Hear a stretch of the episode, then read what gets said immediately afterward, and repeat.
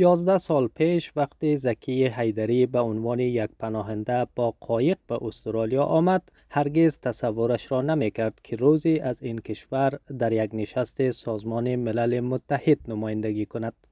آقای حیدری در زادگاهش افغانستان به عنوان یک هزاره احساس به صدایی می کرد. بالاخره ما هزاره هستم از افغانستان هزاره ها در طول تاریخ در افغانستان بسیار در مرض خطر قرار داشته و تعصبات زیاد به علیه مردم ما انجام داده شده و فعلا هم مردم ما به حاشیه کشیده شده به خاطر هزاره بودن. و به مو خاطر وقتی که در افغانستان بودیم نتونستیم صدای خود دلرانه بالا بکنیم.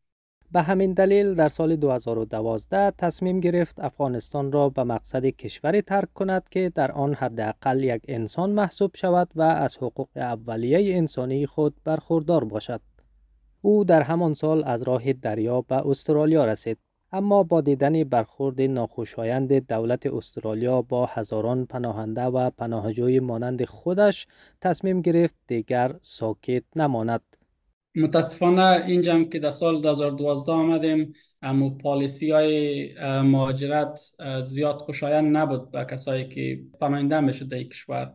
خلاصه دیگه نمی‌تونستم صبر کنم آرام باشم و به آرامی امو درد خود تحمل کنم. با او خاطر صدا بلند کردم. تا بتانم یک اطلاع رسانی دقیق بکنم که پناهنده کی است مهاجر کی است به افغانستان چه میگذره ما چرا کشور خود ترک می‌کنیم تا در کشور بیاییم که حداقل یک انسان باشیم اما حقوق انسانی خود داشته باشیم آقای حیدری یکی از بیش از سی هزار پناهنده و پناهجوی شامل پرونده های میراسی بود که قبل از اول جنوری 2014 با قایق وارد استرالیا شده بودند و به آنها اجازه داده شده بود در استرالیا بمانند.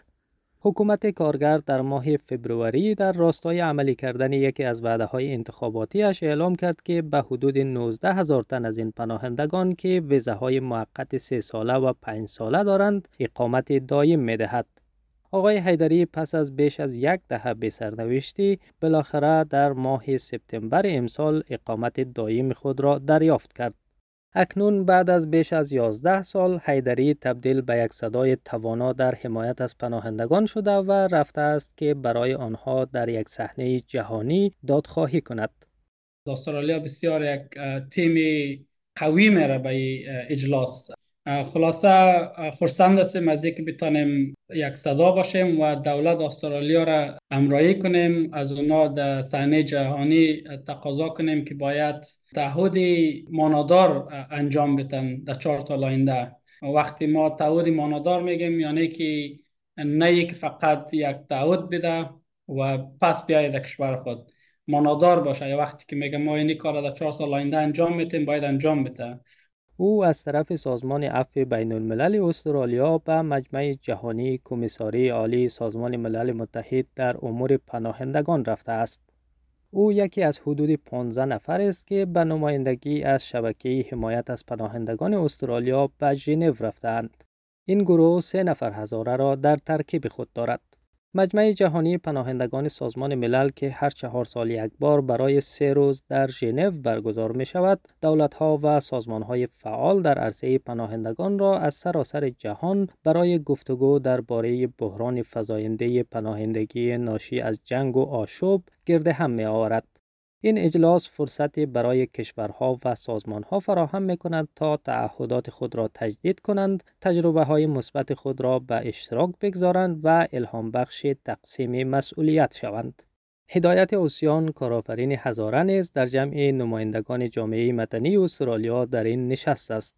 برای از من یک یک از آرزوهایم بود که ما بتونم در این جلسه شرکت کنم چون این یکی از بزرگترین گردهمایی در امور مهاجرین در سطح دنیا هست و ما به عنوان یک از خوشبخت ها هستم که امسال در این برنامه شرکت می‌کنم و از یک تعداد مهاجرینی که بدون کدام صدا هستند بدون نماینده در سطح بینال از اینا نمایندگی کنم آقای آسیان در سال 2009 با قایق به استرالیا آمد و بعد از گذراندن چهار ماه بازداشت در جزیره کریسمس مصروف ساختن زندگی جدید خود شد.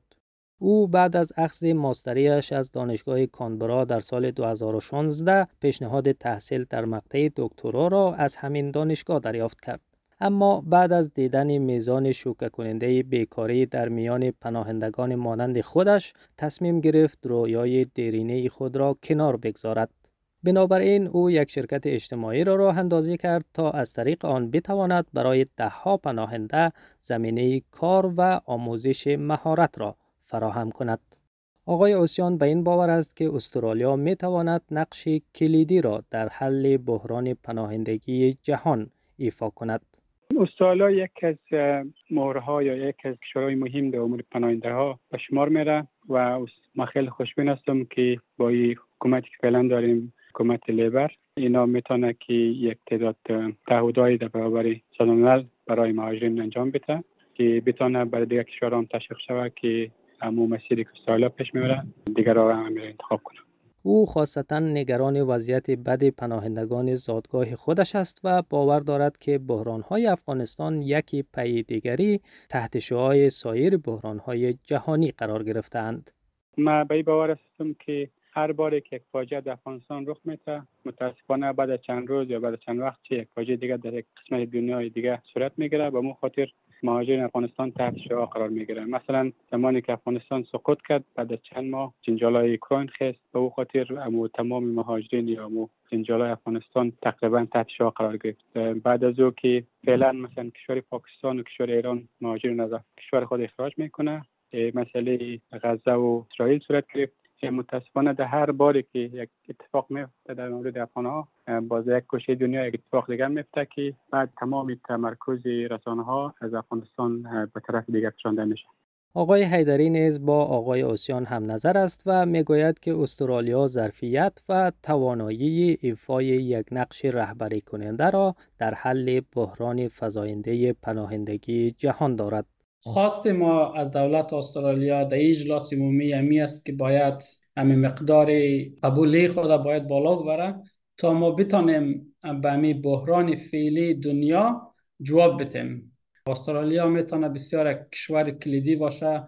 که به این مهاجرین سرپناه بده. تا بتانیم ما به دنیا یک لیدرشپ نشان بدیم از طریق استرالیا که یک کشوران باید به بحران جواب بده. مثلا ژاپن است منطقه مالزیا است اینا. تا اینا هم بتونن یک جواب مانادار بده به می بحران که فعلا در منطقه اقل قرار داره. مثلا کانادا دعوت کرده که در سال 50 هزار پناهنده یا مهاجر قبول می‌کنه ما به این باور هستیم که استرالیا همون کپاسیتی یا توانایی را داره که دقل اگر 50 هزار قبول نمی‌تونن 40 هزار مهاجر قبول کنن استرالیا در ماه آگوست سال جاری سهمیه برنامه بشردوستانه خود را از 18875 نفر به 20000 نفر افزایش داد.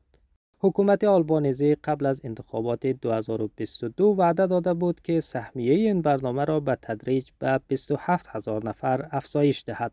اما با توجه به استراتژی جدید حکومت که هدف آن کاهش قابل توجه میزان مهاجرت به کشور است به نظر نمی رسد استرالیا در این اجلاس تعهد بزرگتری برای چهار سال آینده بسپارد. بر اساس آمار کمیساری عالی سازمان ملل متحد در امور پناهندگان UNHCR در حال حاضر بیش از 110 میلیون آواره اجباری در جهان وجود دارند و نزدیک به 36.5 میلیون آنها پناهنده محسوب می شوند. 52 درصد پناهندگان جهان از سه کشور سوریه، افغانستان و اوکراین می آیند.